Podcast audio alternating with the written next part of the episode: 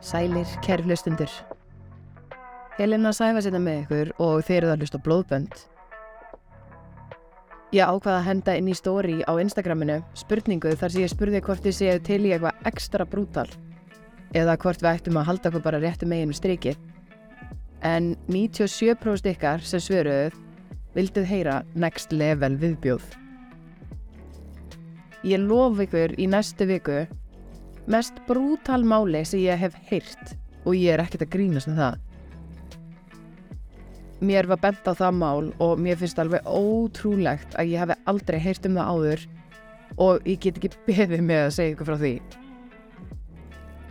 En ég get svo sannlega sagt að mál dagsins er engu öðru líkt sem ég hef heyrt og lítur frekar út bara eins og eitthvað skáldsaga sem að gerist ekkert í alvörunni.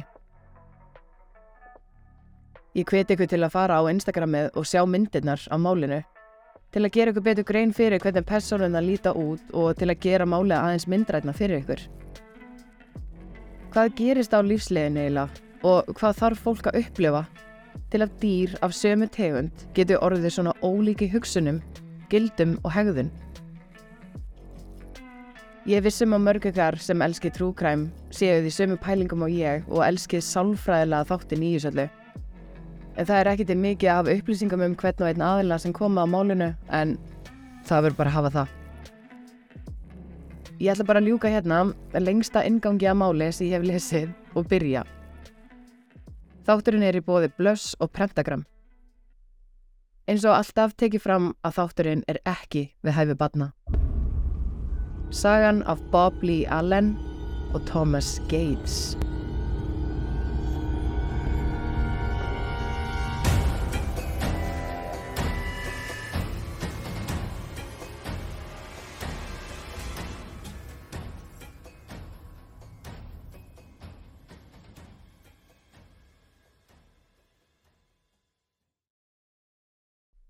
Það var fremur rólegt andrúnslofti þennan daginn á McAllister sjúkrahúsinu í Oklahoma í Bandaríkjónum þann 14. oktober árið 2020.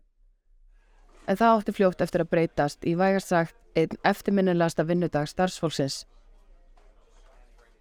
Bjöllunar á bráðadeildinu rökkva í gang og byrtast nokkri bráðalegar með mann á sjúkrabörum sem var náfölur og sveittur með hálflokuð augun og virtist ekki vera með fulla meðutund. Bráðarlegarnir sögðu læknunum og hjúgrunafræðingunum að þessi maður hafi reynd að skrölda sjálfur í áttina að sjúkrahúsinu þegar eitthvað tóka eftir honum og let sækjan og sjúkrabörum. Honum hafi mjög líklega verið skuttlað eða hent út úr bíl. Lóvar mannsins voru þaktir blóði og virtust honum vera að blæða frá klófinu þar sem blóðið var mest, en maðurinn hjælt báðum höndum yfir því svæði. Læknarnir reyndu að halda andliti þegar þeir sáu hvaða var sem var að manninum. I have a patient here. He is under a threat that if he reports what really happened, then he will be killed.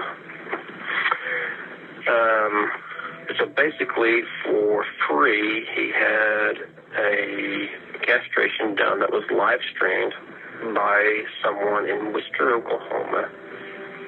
And that the revenue this guy gets from this is from his website and live streaming. But that if he ever ever tells anybody anything, they will kill him and everybody that he loves. Kinnfærin á honum hefðu verið skorinn af eins og þau lögðu sig og það blætti mikið frá illa frá gegnum saumunum. Hann hafði mist mikið blóð og tíminn var naumur. Hann var fluttur eins og skotin og skurstofu Svæfingalæknir linaði þjáningar hans fljótt og svo var hugað að sárinu og blæðingin stöðuð. Það mátti ekki miklu muna að það hefði verið á seint að bjarga lífi hans. Hvað hafði komið fyrir auðmingja mannin? En hann hefur ekki verið nafngreindur í ofinbjörn gögnum með um málið en ég ætla bara að kalla hann Kevin í þessu handriti.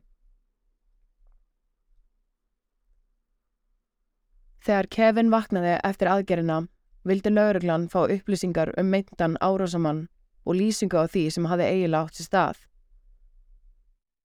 Kevin reyndi ítrekkað að telja þeim trú um hann hafi framkvæmt aðgerðina á sjálfum sér, en þá þótti augljóst að hann var að ljúa því.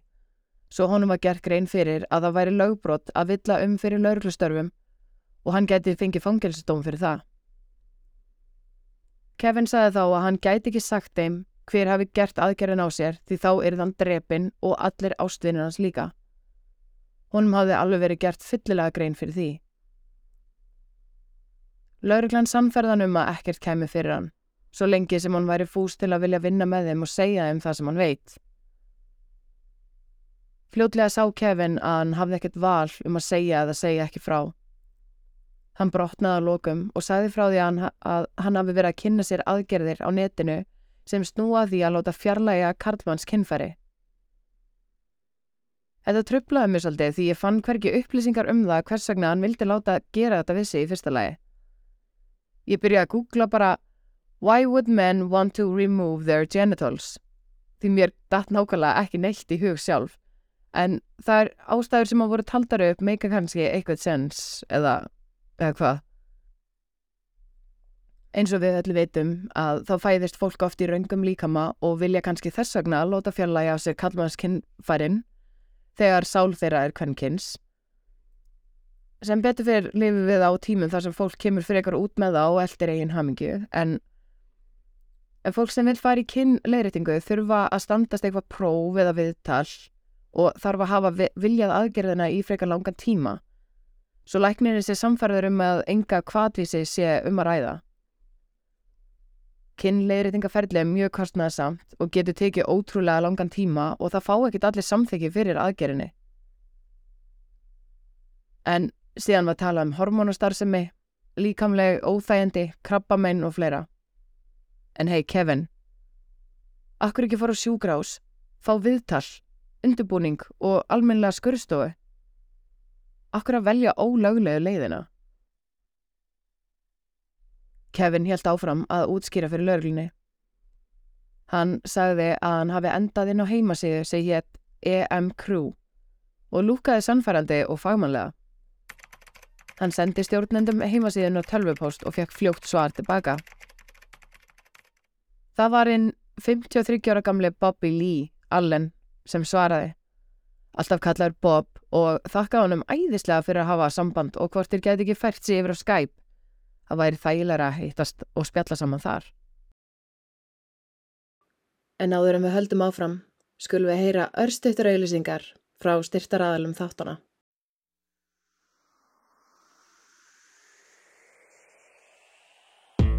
Blöss ætlar að halda fræðandi og skemmtilega mömmumotna klukkan 11 til 12.30.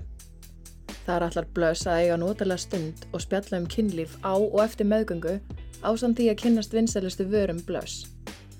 Að kynningu lokinni er bóðið upp á 10% afslátt af öllum vörum í vestluninni. Mömmumóðnunir eru haldnir í viðbörasal blöss í sama húsnæði og vestlunin, Dalvegi 32B. Takmörku sæti í bóði. Skráning fer fram inn á blöss.is.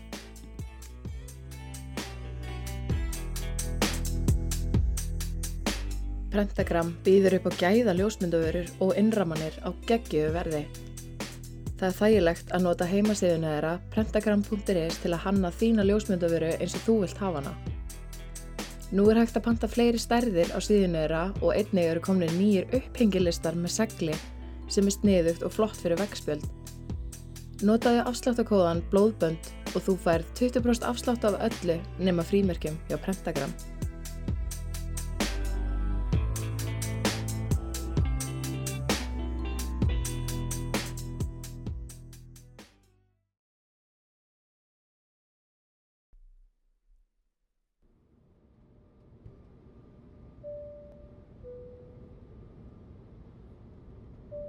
Kevin var freka kvíðin fyrir að lenda í Dallas en fann að þetta var jákvæður kvíði.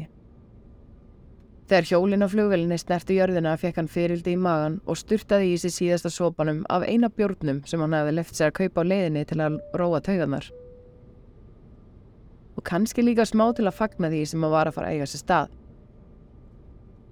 Hann horfði út um glukkan og vélinn stöðvaðist að lokum. Hann fann töskunni sína og gekk í gegnum flugvellin. Þegar dittnar opnuðist að brottfara og komusvæðinu var fyrsta manniskan sem hann sá með A4 blað með nafninu Kevin á. Kevin veifaði og Bob kingaði kolli, brosti sínu breyðasta og gekk á mótonum. Þeir tókust í hendur og Bob bað Kevin að fylgja sér.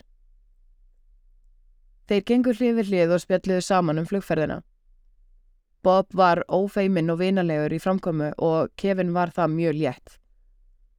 Þeirra beði nefnilega margra klukkutíma kersla að sveitinni í austurluta Oklahoma þar sem Bob og Thomas byggu. Þeir lögðu í hann og heldu áfram að spjalla. Bob saðist vera giftur manni að nafni Thomas Gates, 42 ára, og þeir hefðu live streamað brúðköpunu, eða eins og sagt er á íslensku, sínt brúðköpi í betni útsendingu, þar sem vinnir og fjölskylda gáttu fylst með þeim bindast hvora og hamingjan skein svo sannlega í gegn. Bob talaði mikið um livestream á samfélagsmiðlum og sagðist geta sínt Kevin myndbönd frá aðgerðum sem hann hefði gert áður ef hann vildi. Hann sagðist hafa 15 ára reynslu í bransanum og hann geti framkvæmt þessa aðgerð nánast blindandi. Hann sannferði Kevin um að hann hafi bara dottið í lukkupottin með að hafa rampað inn á hárréttan stað til að gangast undir þessa aðgerð og hvað þá að fá hana ókipis og meðan aðrir borga híminháar upphæðir fyrir hana og sjúkrásum.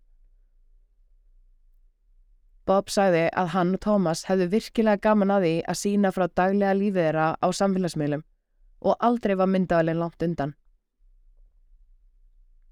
Kevin saðist ekki hafa séð neyn myndbönd af þeim en hann myndi klárlega að kíkja á þau eftir aðgerina til að sjá hvað þeir væri að bralla saman.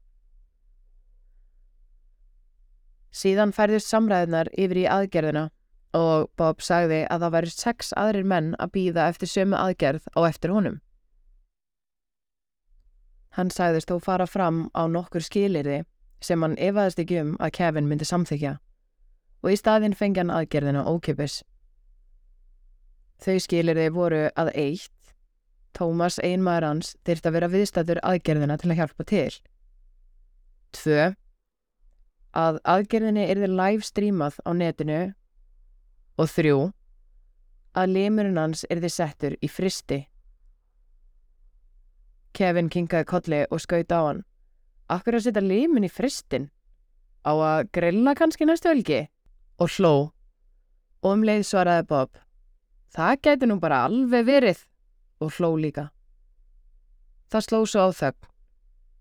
Kevin horfið út um klukkan og reyndi að sannfæra salva sig um að Bob hafi bara verið að grínast auðvitað. Jú, auðvitað var hann að grínast. Ert þú að grínast með að halda að hann sé ekki grínast? Kevin fann að kvíðin byrja að magnast og hugsanennar að verða hávarari. Loksins rendi Bob bílskrjóðunum við einangraðan lítinn kofa, djúft inn í þjætt vöksnum skóinum. Ég get ekki skilið í Kevin að vil ekki hætta við þarna. Hann hlýtur bara sjá að eitthvað skrítið er við hennan kofa og að framkvæma eigi opna aðgerð á honum í þessum kofa. Eitthvað var líka undalegt við hennan mann hann Bob og hann átti eftir að hitta mannin hans Thomas. Þeir skellt á eftir sér bílhurðinni og Bob bauð hann velkomin á áfangastað. Þegar að útidyru hurðinni var komið, marraði í hurðinni og þeir stegu inn. Ó, Jésús. Ég ætla bara að orða þetta eins fínt og ég get. Þetta skulum við segja var engin staður til að framkæma einhverja aðgerð eða nokkuð annað í líkingu við aðgerð. Tómas kom á mótiðum í andirinu í skítugum kvítum hlýraból og þeir Kevin tókust í hendur og kynntu sig. Ég ætla að sína þér herbyggiðitt og svo hefst aðgerðin klukkan 5, saði Bob og vísaði Kevin inn fyrir.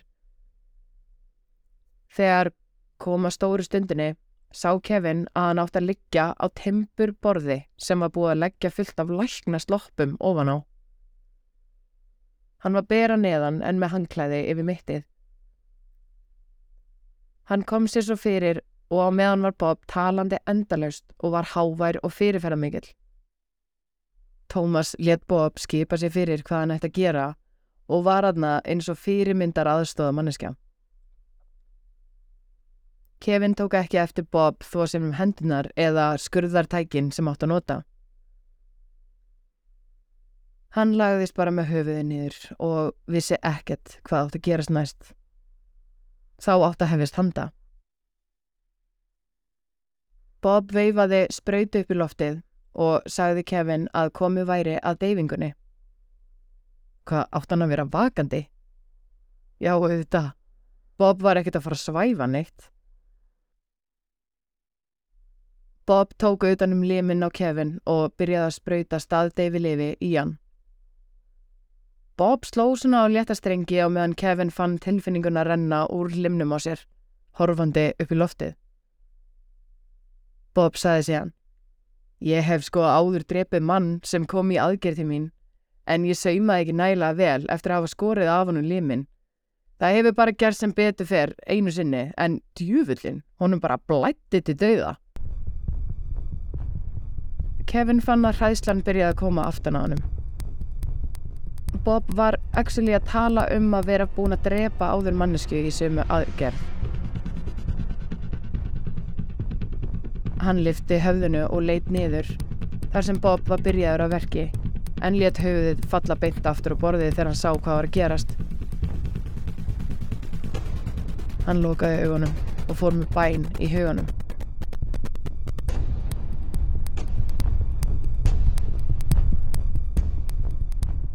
Kevin opnaði augun þegar Bob kallaði á Thomas að taka við limnum sem væri nú farin af. En aðgerinn tók tvær klukkustundir. Kevin, ég vil ávitir að ég var ekkert að grínast í bílnum. Ég ætla að geta limin á þér við tækifæri því ég er mannæta, sagði Bob og hló eins og tröllkall. Thomas hló með honum og byrjaði að pakka afskortna alblóðuga limnum inn í plast. Svita drópar lágu inn í eirun á Kevin á meðan hann stökk ekki brós. Hann var bara stjárfur. Bob hafði hent frá sér skurðartólunum og hófst handa við að sauma fyrir sárið. Kevin heyrði í Bob og Thomas spjalla saman og hlæja en hann heyrði ekkert hvað þeir voru að segja. Honum fannst hann bara heyra í einn hjarslætti. Kvílikt yngripp og álag þetta var á líkamann hans. Hann ákvaða að hafa augun lokuð og reyna að hugsa ekki um það hversu margt óeðlilegt var að gerast akkurat núna.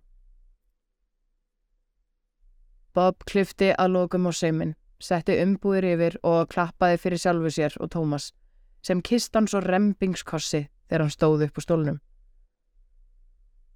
Kevin var í einhvers konar móki og man ekki eftir að hafa stíið upp og farið í rúmi sitt, en þegar hann náði næst áttum var hann komin þangað. Þegar Kevin vaknaði daginn eftir var hann gjörsamlega sár þjáður og alblóður. Hann kristi saman augun og gnísti tönnum og veinaði þegar hann sá allt blóðið.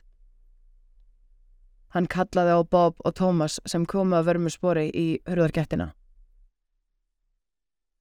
Kevin greiðt og náði svo að þvinga upp úr sér. Bob, það er eitthvað mikið að, þú verður að fara með mig á sjúgrásið. Bob starði á hann, gekk að honum og tók sangina af klófsvæðinu og velti fyrir sér sárinu. Hann sá að ferst blóð var að vella úr sárinu. Þýmur, ekkert sjúgrás, ekkert líkús, saði Bob í lágum hljóðum og hristi hausinn. Sneri svo við og gekk út úr herbygginu og lokaði hörðinni. Kevin gæti ekki hugsað eða hreift sig bæði af hræðslu og að sársöka. Hann misti að loka meðutund. Kevin rankaði næst við sér í bílnum með Bob og Thomas. Hann reyndi að ná einhverjum fókus og náði aðeins einhverjum búkljóðum upp úr sér. Bob gelti á Kevin. Hlustaðu nú og hlustaðu vel og vandla. Ef þú deyrð á leiðinni á sjúkrásið fer ég ekki með þig alla leið. Þá kasta ég líkin á þér eitthvað staðar í skógin og þú skalt reyna að halda þér vakandi. Þú ert að fara að segja að þú hafi gert þetta við sjálfa þig. Ef þú svo mikið sem minnist á mig eða Tómas vil ég að þú vitir að ég mun elda þig uppi hversu ferð og drepa þig. Ég mun drepa alla fjölskylduna þina líka og allt fólki sem þið þykir væntum. Skilur þú hvað ég er að segja? Kevin náði að segja já á þess að halda haus. Hann var náfölur og virtist ekki eiga mikið eftir áður en líkamannans myndi bara gefast upp. Þegar sjúkrahúsið McAllister blasti við þeim, voru Bob og Thomas að líta á milli gluggana í bílnum að reyna að lesa í aðstæður svo það yrði ekki tekið eftir þeim losa sig við Kevin út úr bílnum. Þegar tækifæri gafst, ítti Thomas Kevin rólega út en hann gati ekki hrift sig og lag bara eins og búðingur á göduna. Bob Rake spólaði svo í burtu. Það leiði ekki á löngu þar til Kevin var komin á sjúkrabörur því það hafði einhver tekið eftir honum aðeins nokkar sekundur eftir að hann var liggjandi í gödunni. Þegar lauruglan hafi fengið upplýsingar um hvar Bob og Thomas byggu var þrjumað á stað í leitaðum.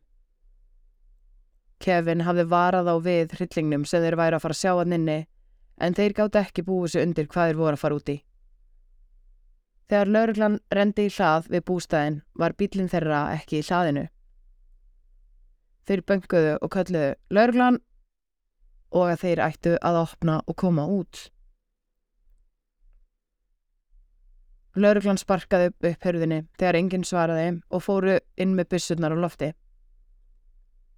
Inni í skítugu söpnherbyggi hjónuna fannst fristir sem innihjald nokkra sipplokkpoka með afskornum karla kinnfærum í. Einn lauruglumannana kúaðist þegar hann áttaði sig á því hvað þetta var og þurfti að flaupa út til að kasta upp. Á heimilinu fundist blegjur fyrir fyllorna, alls konar livseðskild lif og blóður skæri, nýfa og fleiri tól sem voru notið í aðgerunum. Timburborðið þar sem Kevin hafi leið á var alveg ósnert og blóðugt. Það var ógeðslega líkt að nynni, svona eins og af mikluðu kjöti í sambland við blóð og úldna sokka. Lörglan fann síðan myndböndin, bæði af Kevin og öðrum karlmönnum sem hefði komið í aðgerðir. Þeir fundu líka önnur verulega undarlega myndbönd til dæmis af Bob út úr dópaðum að reyna að klifra upp í tríði. Annað myndband þar sem síndur er grætt póki sem virtist vera eistu hangandi á dráttakúlunni á bílnum þeirra og ótrúlega undarlegt vídeo af þeim undir búa jarðaför heimilisvöldsins. Þeir tóku upp og deildu á samfélagsmiðlum hálftíma vídjói af Bob með dauðan hundin liggjandi upp á borðinu. Þegar Bob hættir að bladra á myndbandinu byrjar hann að setja hundin í ruslapoka og Tómas heyrist skæla bak við myndavælna. Bob kastar svo plastpokanum í grunna gröf og byrjar að móka mold yfir. Í ljós kom að heimilið þeirra Bob og Tómas eða hryllilegi kofin þeirra var auglistur sem Airbnb bústæður og var hann til leigu á 45 dólar á nóttina og var auglistur sem Bob's Weekend Wonders. Leitin að þeim tók fljótt enda þar sem þeir voru handtegnir á sjúkrásinu þegar þeir skráðu sig inn sem aðstandendur Kevins og vildu vita hvernig hann hefði það. Við yfirheyslu neytaði Bob algjörlega fyrir mannátið en hann gati ekki útskilt nægilega vel af hverju hann geymdi af skortnu limina í fristi til hvers hann gerði það frekar hann að henda þeim bara. Bob og Thomas voru ákerðir meðal annars fyrir að framkvæma lækna aðgerðir á nokkura kunnóttu eða prógráða. Þeir voru ákerðir fyrir limlestingar, líkamsárásir með lífsættulegum vopnum, tilröndi mandráps og voru líka ákerðir fyrir vörslu sterkra livseðskildra livja og læknalivja sem almennu borgari ábar ekki að geta orðið sér útum. Þeir fengu í leiðinni ákæru fyrir að hafa ekki borgað af eigninni og lóðinni þeirra sem hafi staðið í vanskilum í marga mánuði. Í fyrstu var Tómas verið að talin jafn segur og Bob, þó svo hann hafi ekkert snert kefin einsni. Þáttaka hans í aðgerðunum og að leifa þessu að gerast átt hann að fór sama dóm og Bob. Tómas var bóðið að vittna gegn Bob og fá mildari dóm sem hann samþekti. Bob var dæmdur til 12 ára fangelsisvistar en á honum liggja alls konar vanskil og skuldir sem hljóða upp á 5.000 dollara. Tómas var dæmdur sigur af þremur ákærulegum og restin af ákærulegunum feld niður vegna vittnisspurðarans gegn Bob og hjálpsemi við úrvinnslu málsins. Ef hann hefði verið dæmdur sigur um limlestingar, hefði hann mögulega fengið jafn langan dóm og einmaður hans. En Tómas var síðan sleft úr fangelsi í september 2021. Ég gæti ekki með nokkru móti fundið út af hverju hún var sleft svona fljótt. Ég ætla ekki ská að tekið hafi verið tillit til tímans eða þetta tæpa ár sem hann hafi nú þegar setið inni þangað til að réttarhöldin voru haldin. Ég fann ekkert um það hvort þeir Bob og Thomas séu enn giftir í dag eða hvað var að frétta af þeim. Þetta er bara svo ógeðslegt allt saman og það hlýtur bara að vera eitthvað mikið að Kevin að hætti ekki við eða spyrja betur. Hvað gætt verið ástæðan fyrir því að hann þráði svona mikið að láta fjallæga sér tippið? Var hann búin að reyna að fara sjúkrahúsleðina? Skammaðist hann sín? Var hann kona í röngum líkama? Þau rauður ljóð sem að voru blikkandi frá upphafi að hann hafi fengið aðgerina frítt, að hún væri ekki gerð á sjúkrahúsi, útlitið á kofanum sem aðgerðin er framkvæmdi að Bob sagðist vera mannæta og allur óþryfnaðurinn og ógeðið hefði bara átt að vera nóg til að Kevin ætti að vilja hætta við. Kevin hefur aldrei komið fram ofinbarlega og er nafnans ekki getið í allir rannsókninni um málið og í domnum sjálfum. Ég vona bara að hann sé í dag sáttur með þessa ákverðun og að þessi lífsreynsla hafi verið þessi virði.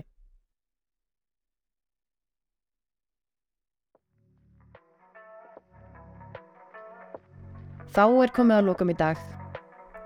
Ég vil minna á hexdesign.is en nýjar vörur er að læðast þar inn og ég er ekkert smá stolt að þeim. Ég vil þakka ykkur kærlega fyrir öll skilabóðin og spurningarnar og ég er ekkert smá þakklátt fyrir ykkur kæru hlustendur. Ef þið hafið ykkurar ábendingar eða spurningar, endilega ekki hika við að senda mig skilabóð. Hafið það sem allra best. Þá engar til næst. Góða stundir.